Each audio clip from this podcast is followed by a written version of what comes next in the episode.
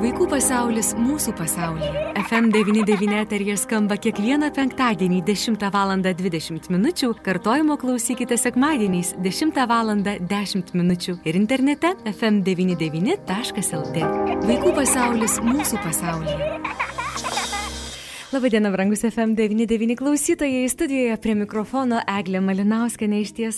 Labai labai džiaugiuosi, kad galiu su jumis pasisveikinti ir vėl laidoje Vaikų pasaulis mūsų pasaulyje ir pasisveikindama pakviesti, na tikrai svarbę temą panalizuoti, prie svarbios temos prisiliesti. Mes pakalbėsime apie emocinę vaikų sveikatą, apie tai, kaip mes galime padėti, kokie yra būdai padėti, kokios problemos yra didžiausios, su kuriamis susiduria vaikai ir paaugliai.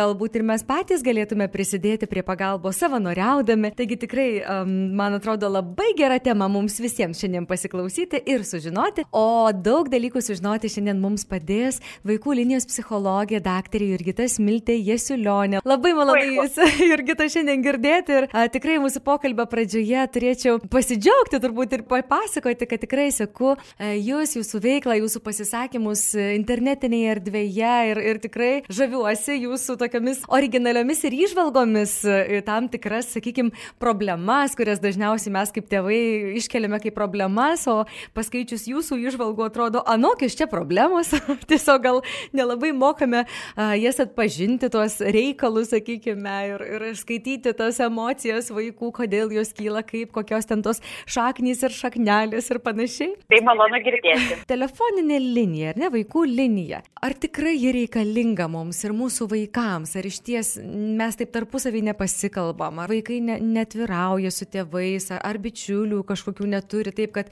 iš ties reikalinga ta pagalba, pokalbis su kitu žmogum. Tai mano vertinimu tikrai pagalba yra reikalinga ir čia matyti yra kelios priežastys, apie kurias galime kalbėti. Viena vertus, galvodami apie kiekvieną žmogų, aš nesakyčiau ne tik apie, suau, ne, ne tik apie vaikus, bet ir apie suaugusį, man rodos visuomet susidurime su tam tikrais sunkumais, su tam tikrais klausimais, e, kuriais norisi pasitarti pasitarti su bešališku žmogumi. Nors atrodo, galim turėti daug artimų žmonių, daug bičiulių, bet kartais ta kažkokia kita nuomonė, kita ausis tikrai praverčia.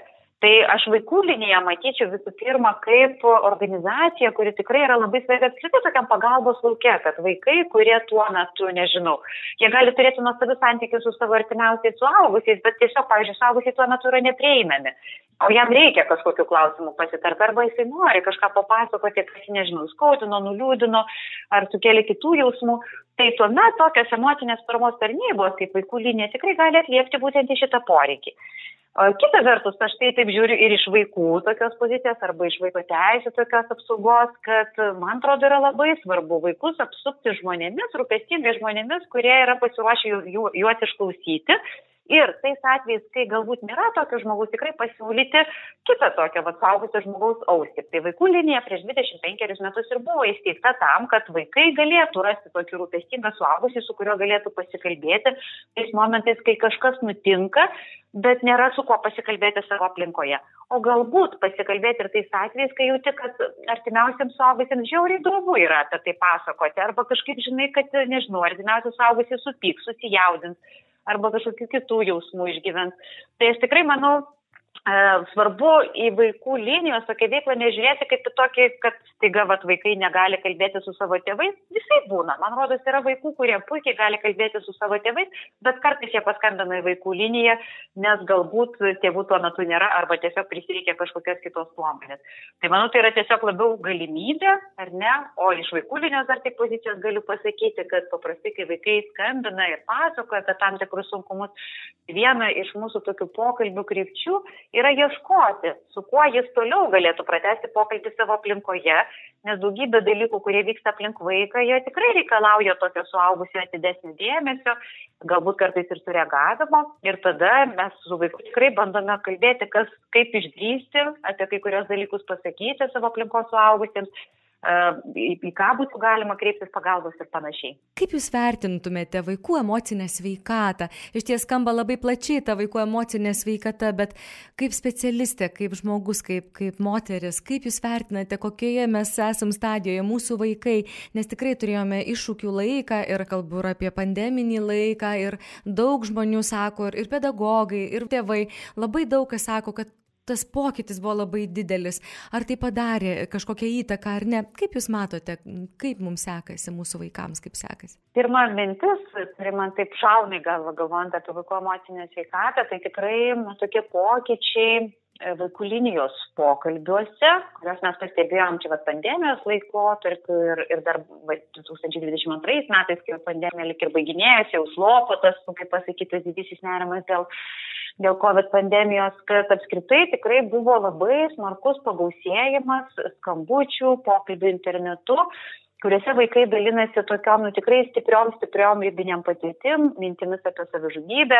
Ir mes tikrai, kadangi 25 metus tarnybą dirbam, turėjom tokį nu, vat, istorinį momentą, kai pirmose pozicijose buvo įsitvirtinusi tema apie savižudybę. Tarp buvo daugiausiai būtent šita tema skambučių, žiūrint pagal įvairias temas, dėl kurių kreipiasi vaikai. Mhm. Tai tas tikrai byloja apie tokį stipriai pablogėjusią emocinę sveikatą Ir tikrai tą dar pastebėjome, kad tie vaikai, kurie dar iki pandemijos turėjo kažkokių tai sunkumų, pandemijos laikotarpiu jų būsena labai stipriai blogėjo. Kad tikrai daug daugiau, tai buvo ir šiaip vaikų, kurie iki pandemijos neturėjo sunkumų, pandemijos laikotarpiu susidūrė, bet tų vaikų, kurie iki pandemijos turėjo kažkokių sunkumų, tai pandemija tikrai jų emocinę sveikatą stipriai paveikė kažkaip tai, nu, kaip neigiamai.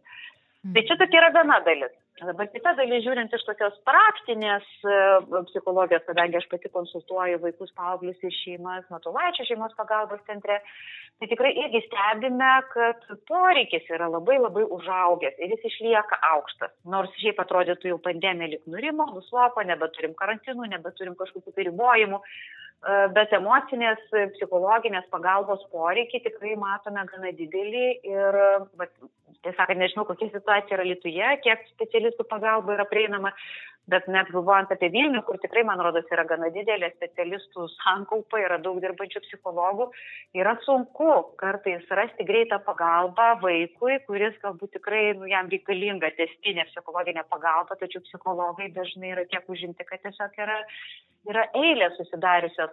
Tai va iš to aš tikrai galiu matyti, matyti kelis dalykus. Viena vertus, kad tikrai yra sunkumų su vaikų emocinė sveikata.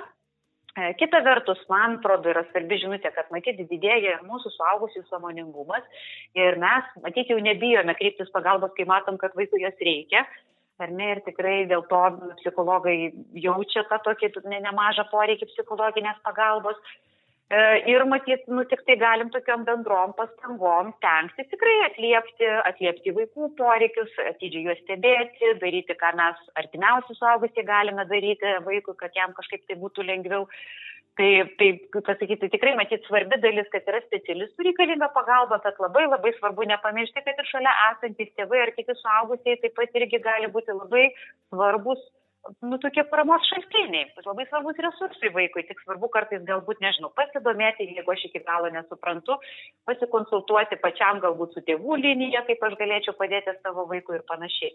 Tai tikrai labai kviečiu, va, tėvelius ar ne, suaugusiosius irgi ne, nebijoti ne tik vaikas ieškoti, kur nuvesti, bet ir pačiam pasitarti, galbūt belaukiant, kol vaikas gaus tinkamą pagalbą. Mhm, iš ties, greičiausiai, kad kai tėvai, kurie na, stengiasi atliepti vaikų poreikius ar ne, kažkaip spręsti, padėti spręsti tas problemas, tai greičiausiai neretas e, susiduria su dar didesniu tokiu sunkumu, ar ne, o tai kaip padėti, jeigu matai, kad vaikas turi problemą, kad išgyvena, kad kažką gal nutyli nepasakoja, tai tėvai iš ties dar labiau turbūt jaudinasi, stresuoja, tą atsakomybę neša ir tikrai tų žinių reikia. Aš e, vėliau dar mūsų pokalbį bėgant į pabaigą tikrai prašysiu jūsų, Jurgita, papasakoti štai viena iš tokių galimybių sužinoti daug ir tokių prasmingų, reikšmingų žinių įgyti. Tai nemokama paskaita Lietuvoje laukianti vaikų emociniai poreikiai, kaip suaugusieji gali jiems atliepti. Tai jūsų bus e, vedama paskaita būtent sausio 23 dieną. Taip jeigu galėsite šiek tiek vėliau papasakoti, Būsiu labai jums dėkinga. Bet dabar dar labai norėčiau grįžti šiek tiek, jūs užsiminėte, kad vaikų linijoje buvo pirmaujanti tiesiog šoktelėjo į pirmasis pozicijas tema vaikų savižudybė, tos suicidinės mintys. Kodėl vaikai, kaip jie įvardyja, kodėl tos mintys kilo, kodėl buvo to, toks pakilimas ir kur priežastys, kodėl būtent ta tema, kaip Jūs manote, iškilo į patį paviršių, į patį viršų? Paprastai mintis apie savižudybę jos žymė na, tokią sankaupą sunkumų, kurį išgyvena žmogus. niekada negalime vienos priežasties aptikti arba būtų labai pavojinga, jeigu mes susijėtume savižudybės mintis arba, nežinau, bandymus nusižudyti, kurie irgi visuomenėje pasitaiko, su viena vienintelė priežastimi.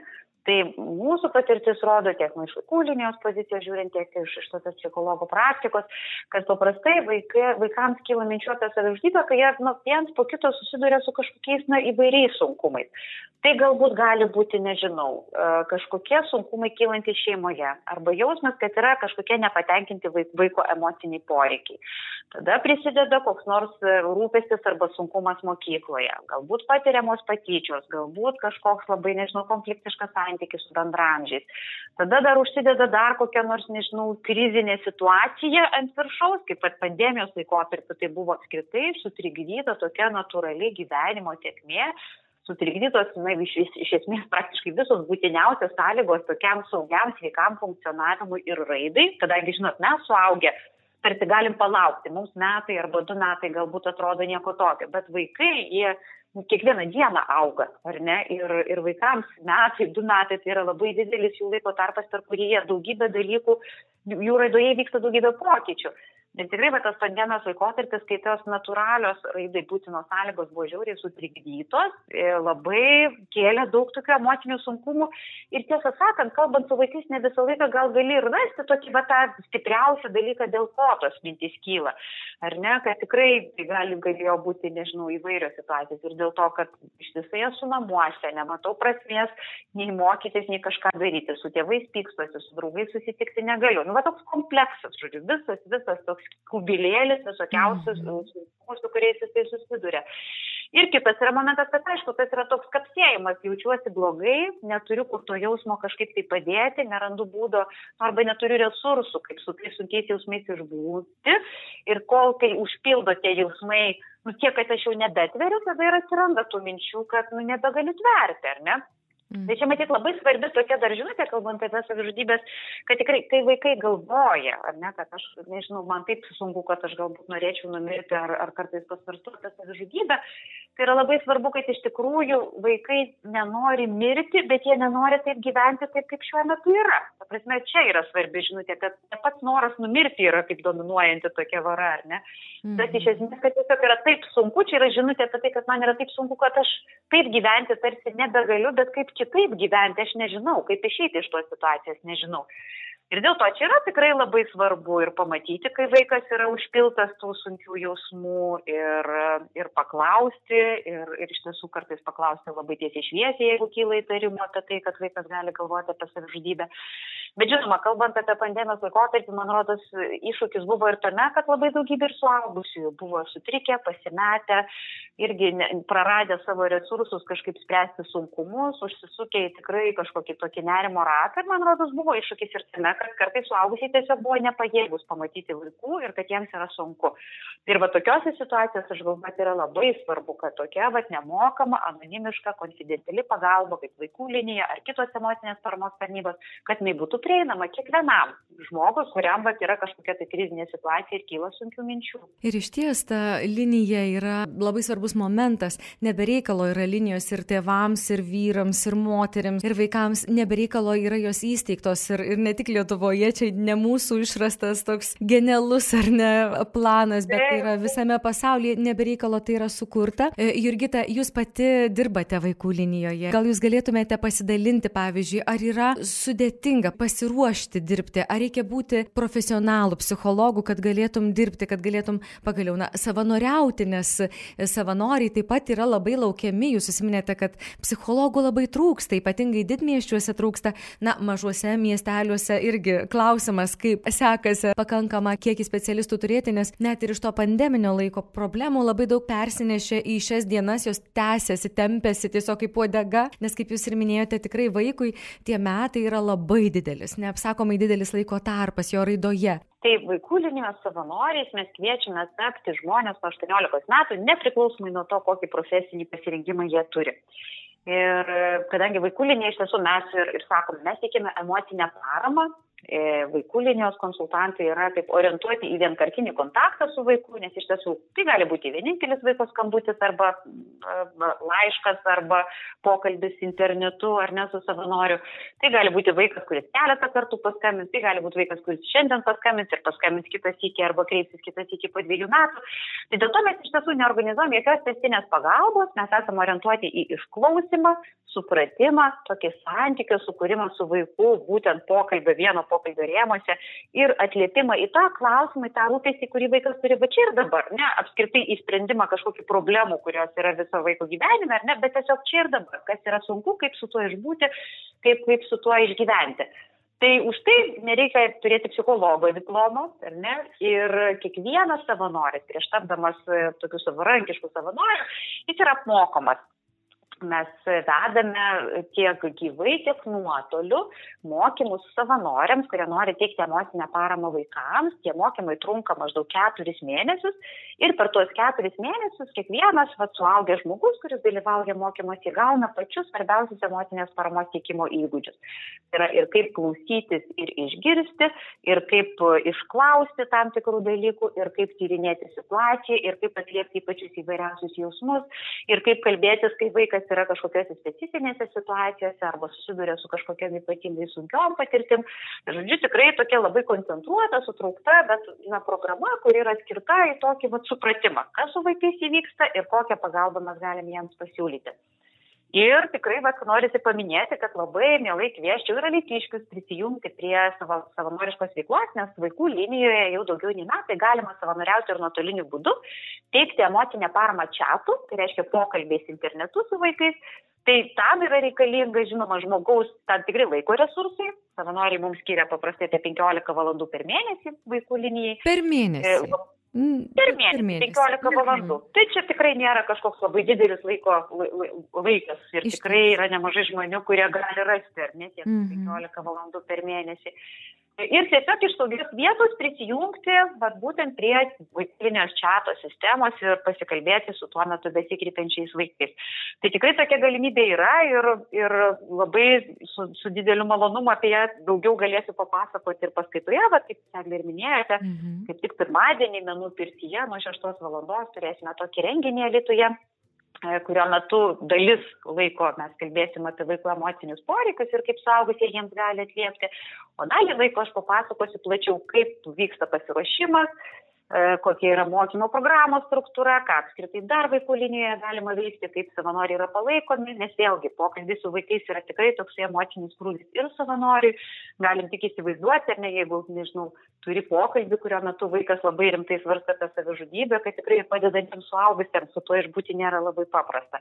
Tai apie vat, visus tokius organizacinius ir, ir savanorystės niuansus visokiausius pasakosim kaip tik pirmadienį, tai labai kviestume prisijungti tie, kas norėtų išgirsti. Taip tikrai labai kviečiame ir aš klausytojams priminsiu, kad tikrai kviesiu užsukti ir į radio interneto svetainę, kur bus pateikta informacija, kur kada, kaip, kaip galima sudalyvauti, kokios temos bus analizuojamos. Beje, jeigu jau staptelėjome būtent prie šio susitikimo su jumis, gerbama Jurgita, tai aš e, prašysiu jūsų, na, kadangi ir pokalbis bus apie vaikų emocinius poreikius, kaip suaugusiai, kaip mes jiems galime atliepti, kadangi čia yra radijas, tai topas, sakykime, ar net topas, sudarom ir kelios tokios uh, aukščiausios pozicijos, kaip jūs kaip specialistė matote, kokie tie poreikiai, kurių mes suaugusieji kažkaip sunkiausiai gal atliepiame, ar gal netaip suprantame, netaip interpretuojame ir, ir gal vaik, vaikams iš ties neatliepiame tų jų poreikių. Ką jūs matote tokio ryškiausio, kur reikėtų tėvams gal mokytis ar požiūrį pakeisti, ar kažkaip. Taip, vienas dalykas, kadangi negaliu visos paskaitos turinio atskleisti, tai. Truputį... Taip. Tai iš tiesų vienas dalykas, kuris man pirmiausiai šauna į galvą, kai kalbam apie emocinius poreikius ir kur kartais mes suaugusie gal kartais taip nuvertinam, nors patys susidūrė labai gerai jaučiam, kaip svarbu šį poreikį patenkinti. Tai atrodytų labai paprastas, labai akivaizdus, bet poreikis saugumui. Ir ypač va šituo laikotarpiu, kai buvo pandemija, kai praeitais metais prasidėjo karas Ukrainoje, e, saugumo poreikis visų buvo labai labai stipriai užgautas, ar ne? Ir tie patys suaugusieji labai puikiai suprato, kad štai neužtenka tik tai turėti saugių sienų šalia savęs. Ar ne? Atrodo, mes turim savo būstus, savo namus, mes lyg ir turėtumėm fiziškai būti visiškai saugus, bet emociškai to nesaugumo buvo žiauriai, žiauriai daug. Ir, ir daug žmonių tikrai išgyveno labai aukštą nerimą, nežinojo, kaip toliau dirbti, kaip toliau eiti į darbus, ar ne, nes susviravo tokie tarsi saugumo pagrindai. Visiškai tas pats vyksta su vaikais. Pavyzdžiui, atvedant vaiką į darželį, ir sako, nesuprantu, kas su juo vyksta, negali ramiai nusėdėti, nesusikūpė veiklai. Viskas atrodo gerai, štai saugia aplinka, visko yra, žaisliukų yra, auklėtojai, kurie čia pat dirba, yra saugus, bet Mes nežinom, kas nutiko pas vaiką namuose. Mes nežinom, galbūt jisai ryte susipyko su mama, ar ne, ir galbūt išgirdo kažkokį piktą mamos pasakymą, neteisiu šiandien tavęs pasimti iš darželio kas vyksta su vaiku, jisai jaučiasi nesaugus, nes jisai nėra tikras, ateis mama, neteis, ar jinai vėl bus supykusi ant jo, ar tas pyktis jau bus išgaravęs, ar ne. Arba, pavyzdžiui, galbūt vaikas, kuris, įsivaizduokime, labiau mokyklinio amžiaus vaiką, kuris vaikšto į mokyklą ir patiria bendramžių patyčias. Viskas atrodo mokykloje, mokytojai yra, šiaip aplinka fiziškai yra saugi, bet mhm. emociškai jis nėra saugi. Kaip aš galiu mokytis naujų dalykų, kai aš nuolat pergyvenu, kad aš išsižiosiu, kažką pasakysiu ir kažkas iš, juoksis iš manęs iš tų dalykų. Arba paskui parašys bendramžių grupsė apie tai, kad kaip aš kažkokią nesąmonę padariau. Tai va čia yra tokių dalykų, kur tikrai už vaiko elgesio gali slėptis tiesiog toks paprastas bazinis, nepatenkintas saugumo poreikis, o mes sakysim štai, nemotivuotas vaikas klausia, nieko nesako, ar ne? Arba labai aktyvus vaikas, neklusnus vaikas, nesabėgioja, nesusikaupia, o pasirodo tas bėgiojimas ir nesusikaupimas tiesiog gali slėpti tam tikrą nerimą. Mm. Ir matyti kitas poreikis, kurį aš taip irgi norėčiau paminėti, tai poreikis dėmesiui E, tai man rodos šitas poreikis yra tikriausiai dažniausiai nuvertinamas poreikis, kad jeigu vaikas kažkokiu būdu siekia suaugusių dėmesio, suaugę pyksta ir sako, jisai nori dėmesio, nors tai irgi yra visiškai universalus poreikis ir kaip aš kartais sakau, įsivaizduokime mes patys suaugusieji, jeigu štai visą dieną į mus niekas nekreipia dėmesio, su mumis nebendrauja, nešneka, nežinau, grįžtam namo, niekas nekreipia dėmesio, ar aš grįžau ar negrįžau namo, nu tikrai anksčiau ir vėliau jau sakydami, ei, aš esu čia, atkreipkite į mane dėmesį. Taip, taip. Tai yra universalus poreikis, mums yra kiekvienam svarbu būti pamatytam, nes jeigu kažkas mane mato, vadinasi, aš esu svarbus. Tai tikrai nenuvertinkime vaikų poreikių ir labai kviečiu, kam smalsu ir įdomu, ateikite apie tai padiskutuoti ir pasikalbėti pirmadienį 6 val. E, menų pirtyje. Ačiū Jums šiandien, Jurgita, už pokalbį. Labai buvo įdomu ir tikrai tikiu, kad tie, kurie ateisime susitikti su Jumis, būtent į Jūsų paskaitą, į tą susitikimą, sužinosime daug, daug, daug naudingų žinių ir, na, tikėkime, ne tik sužinosim, bet ir panaudosime praktikoje. Tikrai taip. Ačiū Egliu už pokalbį. Sudie sakome Jurgitai Smiltai Jesulioniai, psichologijai, vaikų linijos psichologijai. Vaikų pasaulis mūsų pasaulyje. Prie laidos finansavimo prisideda spaudos, radio ir televizijos rėmimo fondas.